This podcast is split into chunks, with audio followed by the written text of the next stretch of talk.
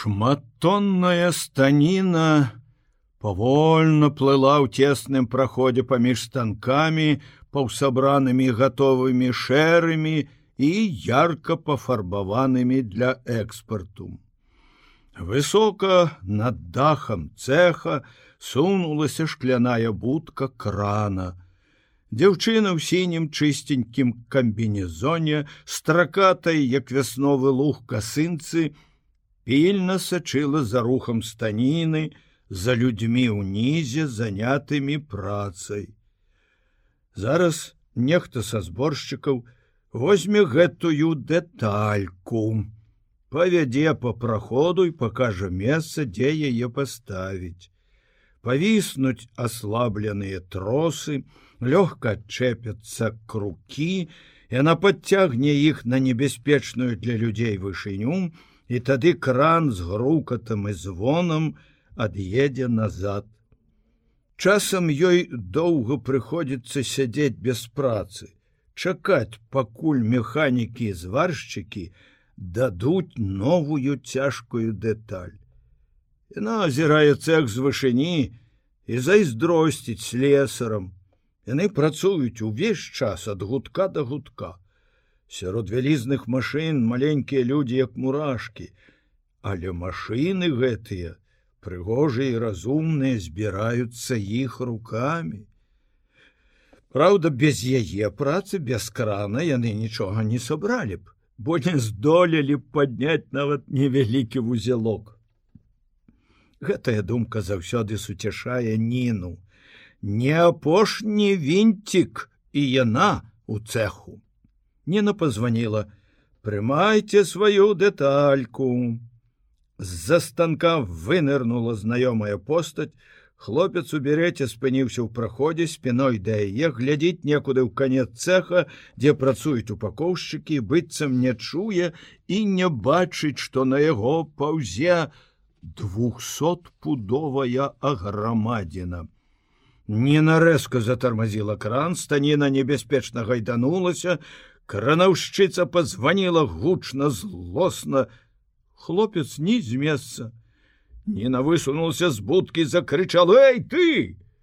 Доўга ворон будешь ловить разява!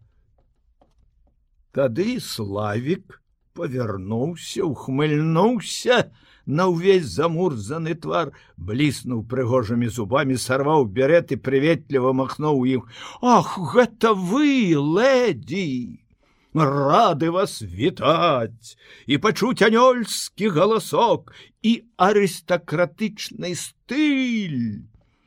Але ў гэты момант нехта са слесараў заляпаў малатком так, што зазвенеў увесь метал у цеху. Ніна не разабрала ніводнага слова, а славік пачуў, як яна кінула з вышыні як камень піжон запішам і гэта на твой рахунак дарагі дятлік подумаў славик і нахіліўшыся спрытна нырнуў под станіну что по тэхніцы бяспекі таксама забаранялася. З'явіўшыся на другім баку надзеў парусінавую рукавіцу і павёў станіну на месца. Рабіў ён гэта спачатку лёгка і няўважліва як вопытны майстар але паставіць дэтальку на месца на другую станіну аснову станка. Не так просто як славіку здавалася спачатку. Пры ўсім уменні спрытнасці кранаўшчыцы станіна гойдалася адыходзіла то ў адзін то ў другі бок. Пасля дзвюх трох спроб славік зразумеў што яму не вытрымаць гэтага па сутнасці першага экзамену і вырашыў, што ва ўсім вінавата чортова дятліха. Там у будцы яна знарок робіць так, каб паказаць яго няздатнасць, здзекуецца. Ну чакай жа, ён задраў галаву і крыкнул: Эй ты, ворона! А Леніна была такая засяроджаная, што востры тварык з доўгім носікам, за што славік адразу ахрысціў е дятлікам, яшчэ больш завастрыўся і выцягнуўся. Славік азірнуўся, каб паклікаць тараса. Гонар дазваляў яму у цяжкіх абставінах звяртацца за дапамогай да тараса і да косці больш ні да каго але ў той міг з'явіўся иван ходас славіка ажно перасмыкнула зноў ходас а это востры на слова зласлівы непрымірывы иван заўсёды оказывается побач калі ён славік трапляе ў няёмкае ці цяжкае становішча быццам назірае за ім хода след прыкметнымі дырыжорскімі рухамі левой руки паказаў ніне у які бок скрануць станіну павёў яе на сябе глянуў па зрэзу бакавой пліты нібы прыцэліўся і даўшы каманду кранаўшчыцы ад'язджаць лёгка і проста паставіў станіну на месца пас у пас шчыльна ну шчыліна ў шчыліну. Калі кран з грукатам ад'ехаў хода саглядаючы аснову будучага магутнага станка спытаў быццам між іншым ты працаваць сюды прыйшоў ці забаўляцца? А што? Адразу натапырыўся славик а тое што ў цеху працуюць акрыўляцца можаш у парку. А калі я не здолеў паставіць гэтую штуковіну значится я крыўляюся. Добранькая дапамога. Иван узняў галаву і вочы яго звычайна блакітны як два лясныя азяркі у ясны дзень пацямнелі быццам на іх упаў тень ад навальнічнай хмары Славік ужо і раней прыкмеціў незвычайную зласлівасць колеру яго вачэй і забаўляўся гэтым. Карыўляўся под кранам, вытанцоўваў перад станінай як дурань перад труной. Дякую, маэстра, вось гэта зусім пака Славік пракаўтнуў слова, бо Іван неспадзявана схапіў яго за нагруднік камбінезонай гневна прашаптаў ты. Не кідайся гэтым словам, дзе попала.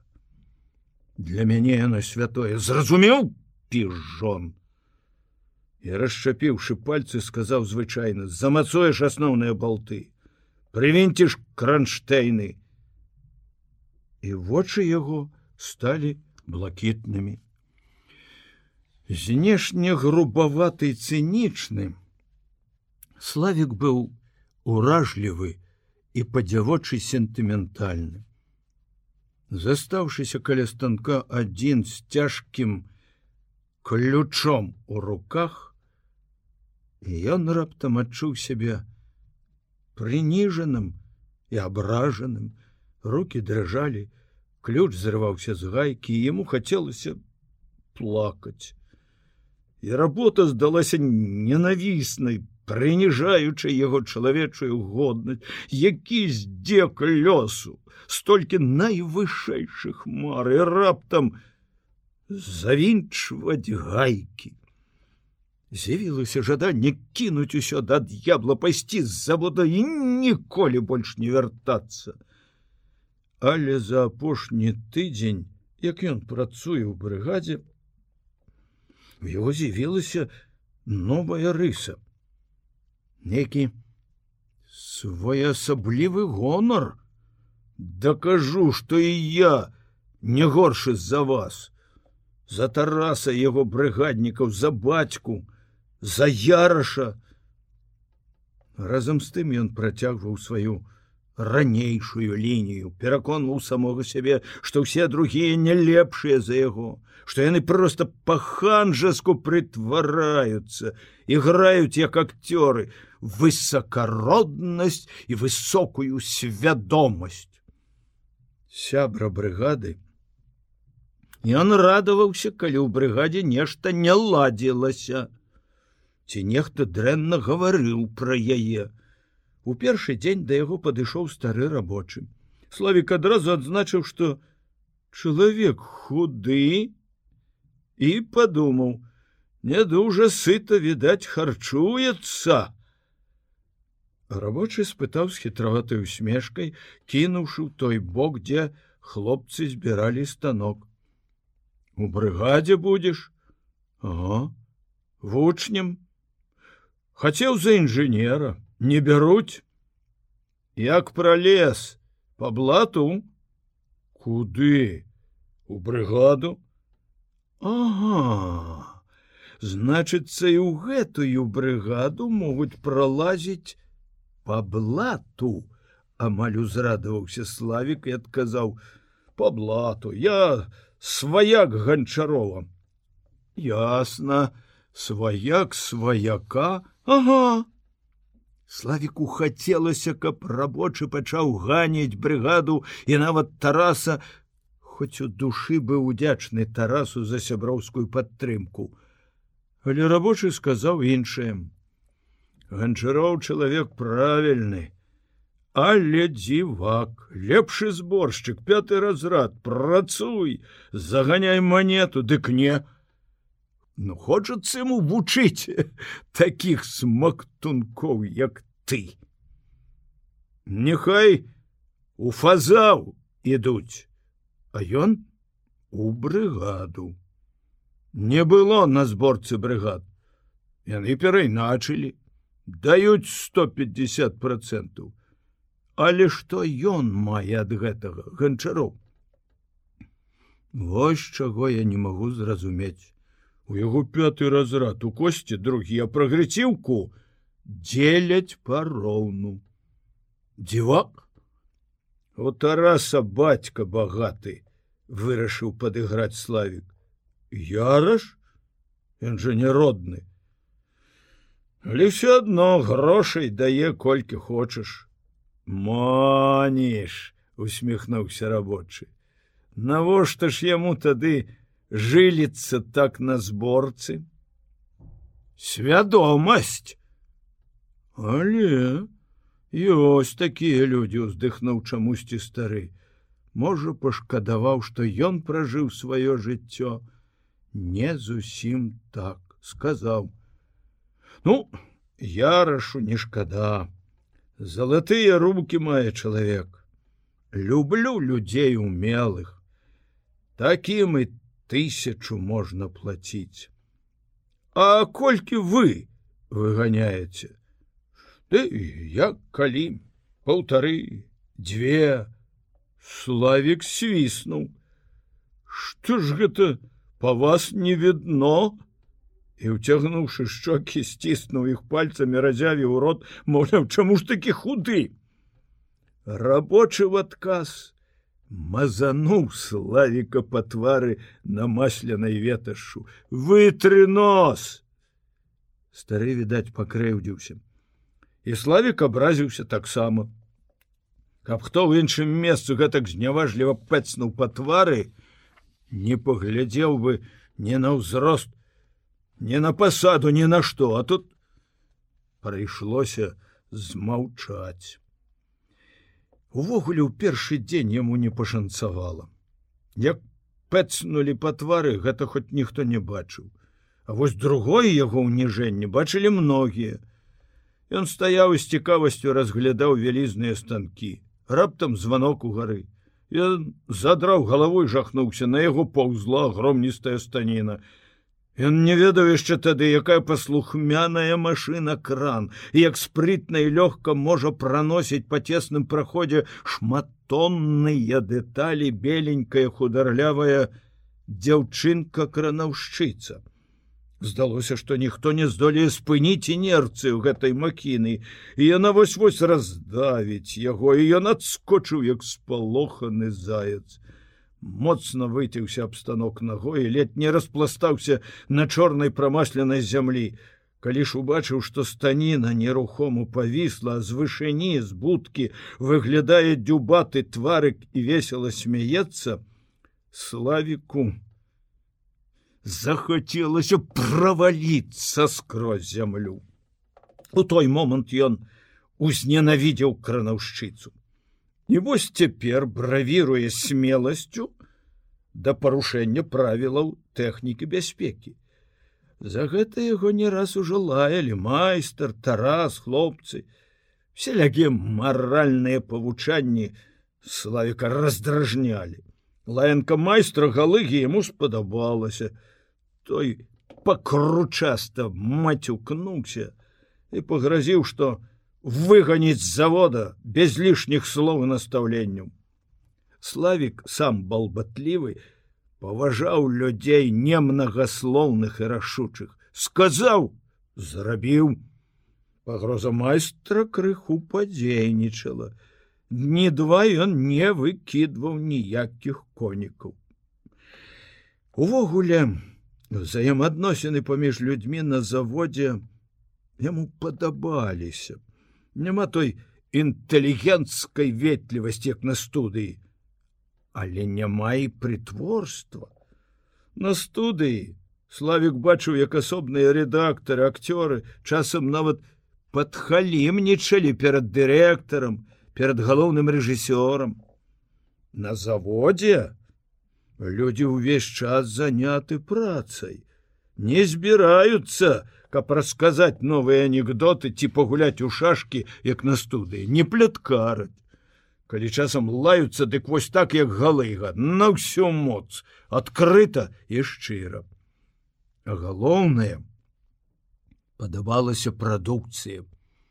Это табе не асвятляльны штатыў, а спецыяльны по асобаму заказу Балгарыі гарызантальна працяжны аўтамат з цягай у 60 тонн. Чаму другая штучка. Вертыкальны станочак вышынёй з добры дом. Відаць, павінна з'яўляцца нейкая асаблівае пачуццё, калі ўласнымі рукамі збярэш такі станок электрыкі ўставіць ему душу прыйдуць інжынеры і пачнуць выпрабавання хлопцы здалі ўжо адзін такі станок і славік прысутнічаў на выпрабаванні. Ён прыдзірліва назіраў за брыгадай упершыню тады сур'ёзна падумаў што недарэмна пішуць у кнігах пра асобую рабочую гордасць. Гэтыя мурзатыя чэрці могуць ганарыцца не станок цэлая поточная лінія. Аўтаматычная загрузка і разгрузка дэталей аўтаматычная чыстка стружкі і 300 трактарных утулак за гадзіну. Няхай радуюцца браты болгары Добра было б, каб пісалі дзе-небудзь у пашпарце, хто збіраў станок. Глядзі неўзабаве магло б з'явіцца Уладзіслав Шковіч. Славік падумаў пра гэта зусім сур'ёзна. Без звычайнай іроніі над уласным жаданнем. Гэтак жа сур'ёзна прапанаваў канцы змены за такі станок не пашкодзіла б і пацёр подбородак. Брыгада, як адна сям'я ішла па заводскім двары, любуючыся мяцеліцай тапалінага пуху. Славіка быццам не пачулі. Гэта кранула яго самалюбства. На мяне значыцца, можна не звяртаць увагі. Чакайце, чакайце ж, але праз хвіліну адгукнуўся лопатін а можа праўда хлопцы ты забыўся на ўмову тарас пытаў. Як лёгка ты ідзеш на спакусу зласліва кінуў лопаціну ходас. Не спакушай мяне галубка жартаўліва праспяваў костя мяне чакае зоя по-прафесарску поправіў акуляры генрых. Глядзі як бы ён не перавярнуў цябе ў сваю веру хто ён? Якую веру? Хто ён? Я? Дык я тут жывы здаровы імя владислав шакович хлопца заела что ходас сказаў ён нібы яго славіка няма тут ці ён няроўны ім. Але раскрычаўся ён знарок, каб другія рабочыя каля прахадной пачулі, што не такі ўжо латы дружба у гэтай камуністычнай брыгадзе. Тарас балюча сціснуў яго локаць, славік сціхні. А чаму ён увесь час глядзіць на мяне з-за воблачных вышынь? Я што? Ніжэйшая істота? Што ты мелеш? Як я на тебя гляджу? Калі чалавек залішне высока ставіць сябе, яму ўвесь час здаецца, што другія хочуць прынізіць яго. Гэта манія сказаў генрых прыветліва махаючы камусьці рукой. Варэнік быў заўсёды падкрэслена ветлівы і нечаканы філасофскі вывад яго збянтэжыў славіка ён не адразу знайшоў што адказаць а тут яшчэ напорыста даводзіў тарас не будь ты таким пеўнем не прыдзірайся да слоў.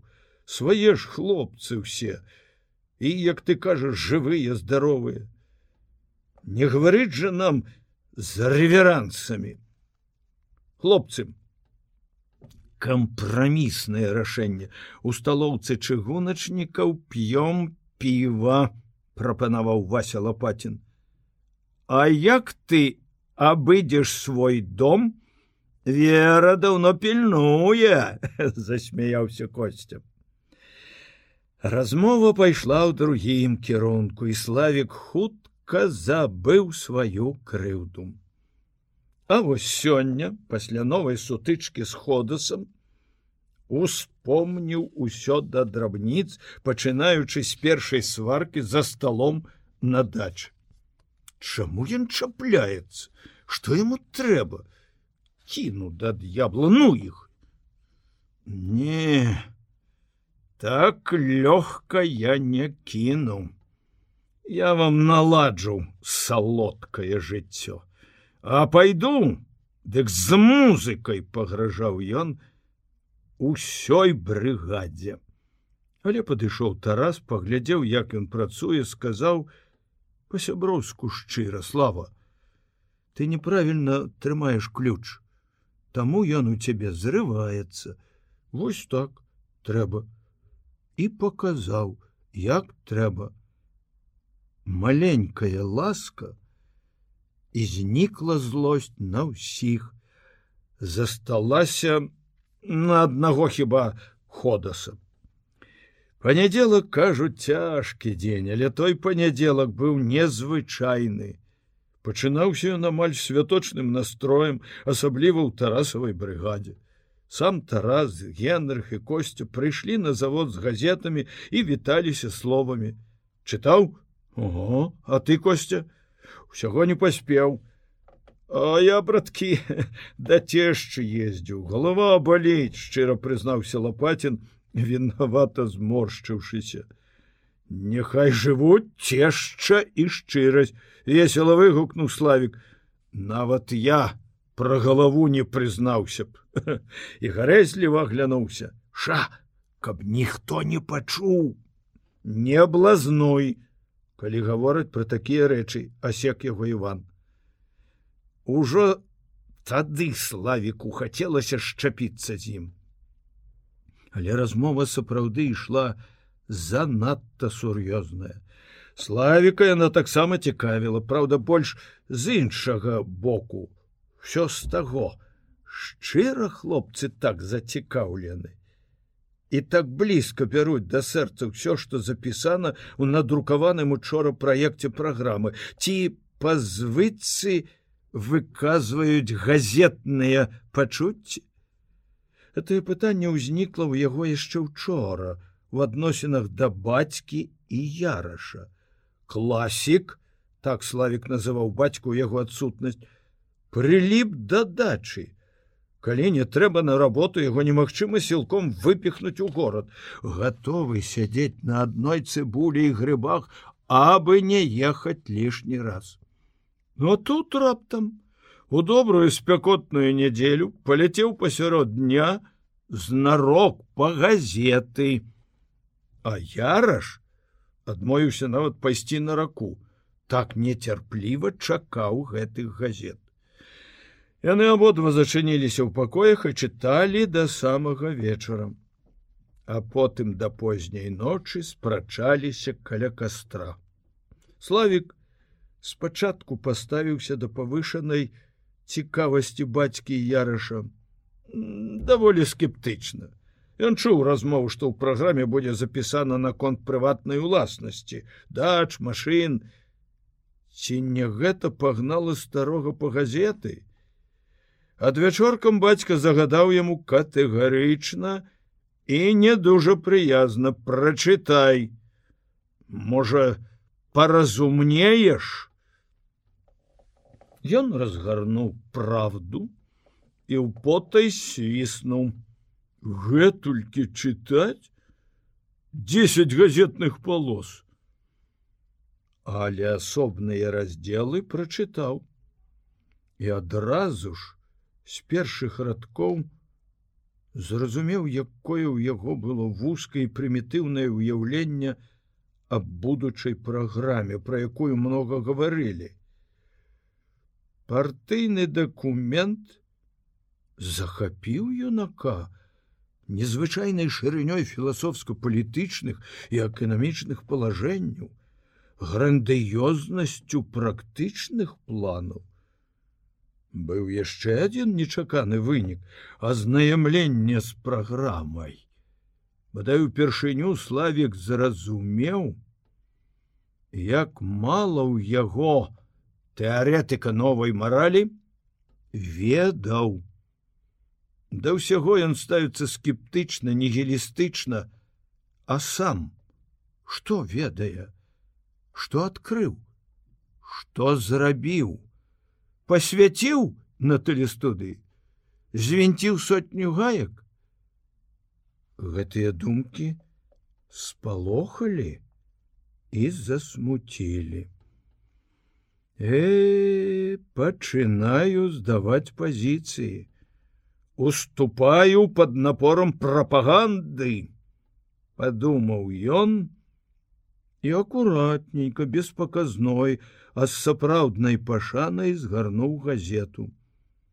Маці якая не спускала з яго вачэй сказаў не для майго маленькага розуму такія высокія матэрыі самакрытычнасць сына які раней быў даволі высокай думкі пра свой родум спадабалася валенціне андреевны Яна лагодна сказала: « Але всяго адразу не ахопіш. Это трэба вывучаць паступова, удумліва.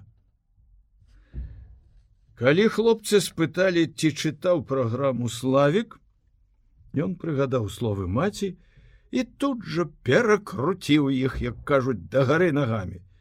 Все тое ж недарэчнае жаданне вызначыцца не быць падобным на других а навошта? Прымусяць вывучаць? Ось тады прачытаю. А без прымусу ты не можаш зноў не стрымаўся ходас.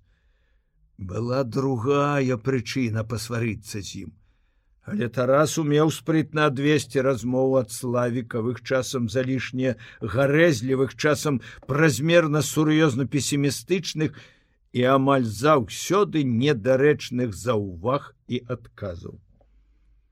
Хлопцы гаварылі аб праграме так, што ў славіка зноў з'явілася захапленне яе велічнасцю. Ён слухаў моўчкі сур'ёзна ды раптам выявіў, што Іван Ходас не чытаў праграмы. Нават газету не бачыў. Славік зразумеў гэта па тым, як ён разглядаў тарасаву газету, а робіць выгляд, што чытаў. Паўтараю ўсё, што гаворыць разумны генрых варэнік. Вось ты які мараліст ханжа узрадаваўся славік падзенню свайго ворага чакай жа я зараз цябе злаўлю і ўжо пачаў успамінаць тыя раздзелы якія прачытаў учора каб на іх выкрыць ходаса. Але перашкодзіў гудок. Праз якую паўгадзіну яны сутыкнуліся ля станіны, страсці накаляліся. Славік гарэў помстай. У часе обеду ён знарок сеў за той жа стол, што і ходас. Але ад іх не адступаў Тарас. Брыгадзір хітра нейтралізаваў усе прычэпкі і наскокі вучня. Ды і ад Івану все славікавы словы, што гарох ад сцяны. Пакуль косці яго чарга выбіваў чэкі, падносіў талеркі супам, Іван густа намазваў хлеб гарчыцай і еў. Гарчыца, відаць, была пякучая, хлопец крывіўся, чмыхаў, з вачэй сыпаліся слёзы, але еў са смакам. Славіка давяла да шаленства такая Іванова абыякавасць да яго прычэпкі. Ты за ўсю брыгаду жарэш хлеба, а ён бясплатны не бясплатны. Уваходзіць у кошт страў. Пабудуеш з такімі камунізм. Слава! Як не сорамна абурыўся тарас. Табе хлеба шкада? Няхай есть на здароўе. Хлеб застаецца на сталах гэта крык душы індывідуаліста які не можа дараваць што нехта з'еў больш за яго. Спокойно быццам аб нечым пабочным сказаў варэнік з суседняга століка. А для славіка его словы что плявуха. Ён зразумеў наколькі недарэчны папрок які ён кінуў ивану ганебны як не сорамна яму сыну інтэлігента які рос у выгодзе папракнуць за кавалак хлеба рабочего чалавека при ўсёй сваёй развязнасці у Славік збянтэжыўся і змоўк. Раптам адчуў, што цяпер самому страшно працягнуць руку за хлебам. А хлопцы ўжо гаварылі пра другое. Кінулі дзве рэплікі далей ніколі не перажоўваюць адно і тое ж. У размовах, як у працы ў жыцці не спыняцца, імкліва рухацца ўперад, такі дэвіз іх. Славік сербануў гарачага супу і адставіў талерку. Ты што? заклопочана спытаў Тарас. Хлопец зморшчыўся. Не смачна? Ды не, сёння якраз што трэба, малайцы кухары, еш. Суп славіку падабаўся, есці хацелася. Яму зноў стала ледь не да слёз шкада сябе. Следам за гэтым прылівам жаласці да сябе злосць на ўсіх, нібы яны вінаваты, што з-за сваёй упартасці ён застанецца галодны. А ходас, накідаўшы ў суп гарчыцы, сёрбаў з такім смакам, што ажно варушыліся паружавелыя вушы і раздзьмуліся ноздры. Чэўкае як свіння подумаў славик каб хоць як-небудзь прынізіць свайго непрыяцеля. Да іх падышоў сакратар парткама завода гарачкин с тонкімі рысамі твару белымі валасамі сакратар здаваўся маладзей сваіх год. Але на заводзе ведалі што ён 25 год праслужыў у арміі палідаработнікам Чалавек ён памяркоўны далікатны, але на пачатку спрабаваў заводскую дэмакратыю ператварыць у вайсковую. Я вам прынесу супу, Петро Савельевич прапанаваў костя, калі сакратар падсеў да іх стала. Дякую, няма калі тысяча спраў. Я пазней паабедаю. Калі ў сталоўцы не будзе рабочых, хацеў уедліва спытаць славік, але стрымаўся хлопцам пасля змены правядём мітынг скажем наше рабочее слово аб праграме трэба каб хто выступіў ад вашай брыгады тарас ды ну хлопцы ну неёмка ўсё я ды я. Правильно. Лепш каб хто сябраў брыгады. Тады Іван ён народжаны прамоўца. Значится дамовіліся ходас звярнуўся сакратар да рабочага. Іван кіўнуў галавой. Подумайте что вы можете яшчэ зрабіць да з'езда сказаў сакратар да тараса. Поглядзіце свае абавязательствы тады славик гучна здзеклівай зларадна хмыкнуў. Ха! А што ж ён скажа ходас? Ён жа газеты ў вочы не бачыў! Іван подскочыў твар яго ўміг наліўся крывёю. А ты бачыў? Я не толькі бачыў я чытаў а ты ўпершыню тараса побачыў а збіраешся выступаць. Балбатун ты сам ты был батун большага за цябе. Ох я был батун тады скажы шчырай сумленна чытаў?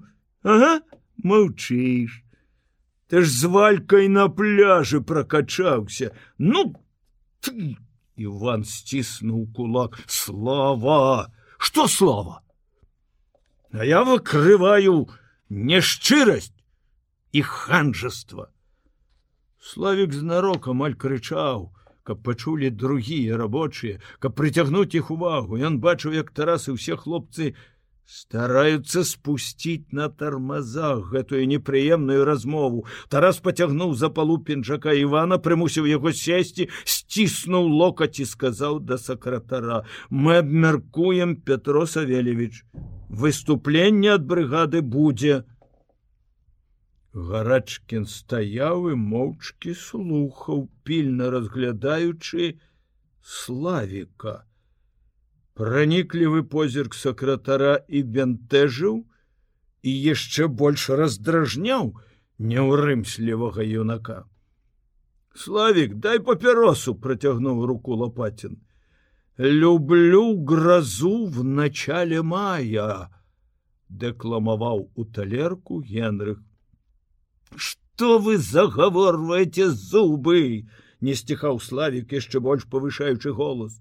Вам хочацца быць добранькімі Чаму ты змоў прамоўца няма чого сказаць дэмагогі гарачкін раптам ляпнуў далоняй па стале даволі мітынгаваць шыковіч обед канчаецца сказаў і пайшоў другі конец залы Славік, як бы дэманстратыўна выконваючы загад сакратара, пачаў на поўны рот есці котлеты. За сталом сталявалася цяжкая цішыня. Нават жавалі бесшумна, не ўзнімалі вачэй. Толькі Генрых, разглядаючы шклянку з рэдкім ружовым кіселём ціха дэкламаваў. Дорогая сядем рядом поглядим в глаза друг другу сакратар порткама выклікаў тарасам але і экземплярчык ты прыцягнуў мне казалі я не верыў разваль ох разваліць ён табе брыгаду калі ён можа разваліць брыгаду, то грош нам цана, Чаго мы варты? Ты самакрытычны. Але май на ўвазе, Славік твой не такі наіўны, як табе здаецца. У яго даволі цвёрдыя перакананні. Няходасу ён крычаў, а ўсім, хто абедаў, хацеў памітынгаваць раней, ходас зачэпка. Тараса здзівіў такі нечаканы паварот у разважаннях сакратара. Баяцца славіка смешна. Ты чуў што ён крычаў? Дэмагогі! Хто дэмагогі? Хто не прачытаў? Шмат хто не паспеў прачытаць. Але не меў хода з маральнага права згаджацца выступаць запярэчыў тарас. Тут шыковіч праўду казаў. Іншая рэч як ён гэта сказаў непрыязь у іх адзін да аднаго во што дрэнна Што ж глядзі на тваю адказнасць калі што будзеш адказваць перад парткамам мітынг уразіў славіка перш за ўсё сваёй масавасцю. Звычайна пасля змены рабочыя спяшаюцца хутчэй дадому, асабліва жанчыны. Іх цяжка затрымаць на 5-10 хвілін. Савік знарок праціснуўся да прахадной, каб пабачыць, як рабочыя будуць уцякаць, сварыцца з вартаўніком. Але нічога гэтага не было тыя ж самыя жанчыны наадварот ціснуліся бліжэй да трыбуны, выкарыстоўваючы сваё жаночае право быць наперадзе. Людзі засяроджаныя, сур'ёзныя, уважлівыя і старыя і моладзі, што дзіўна, не было нудных прамоўцаў. Это таксама ўразіла славіка. Все гаварылі з такой палымяннасцю, што ў хлопца зноў з'явілася тое пачуццё захаплення, якое ён адчуў учора, калі чытаў праект. Толькі выступленне Тараса яго насцярожыла. Брыгадзір гаварыў пра маральны кодекс будаўніка камунізму. Славіку здалося, што гэта знарок для яго. Ён страшэнна не любіў, калі хто-небудзь пачынаў чытаць яму мараль з мэтай перавыхаваць. Тады ў яго з'яўлялася жаданне зрабіць все наадварот. Разам з насцярожанасцю ён адчуваў задавальненне, што не даў ходасу пакрасавацца перад народам. Хацелася глянуць пераможанаму ворагу у твар. Славік пачаў прабірацца наперад, на яго зашыкалі, каб не перашкаджаў слухаць, і ён не адважыўся хваляваць ціхае людское мора застыў на месцы. Ён адчуў, усвядоміў веліч гэтага мора яго магутную сілу, разумную сілу, якая не разбурае, а стварае, і можа упершыню адчуў сябе часцінкай гэтай сілы. Аднак разуменне таго, што ён часцінка вельмі маленькая яшчэ на гэты раз не здалося яму зневажаючым яго чалавечую годнасць. Ён выходзіў з завода цераз шырока адчыненыя вароты ў натоўпе рабочых з нейкім асаблівым гонарам. Чамусьці яму хацелася, каб у гэты міг яго ўбачыў бацька.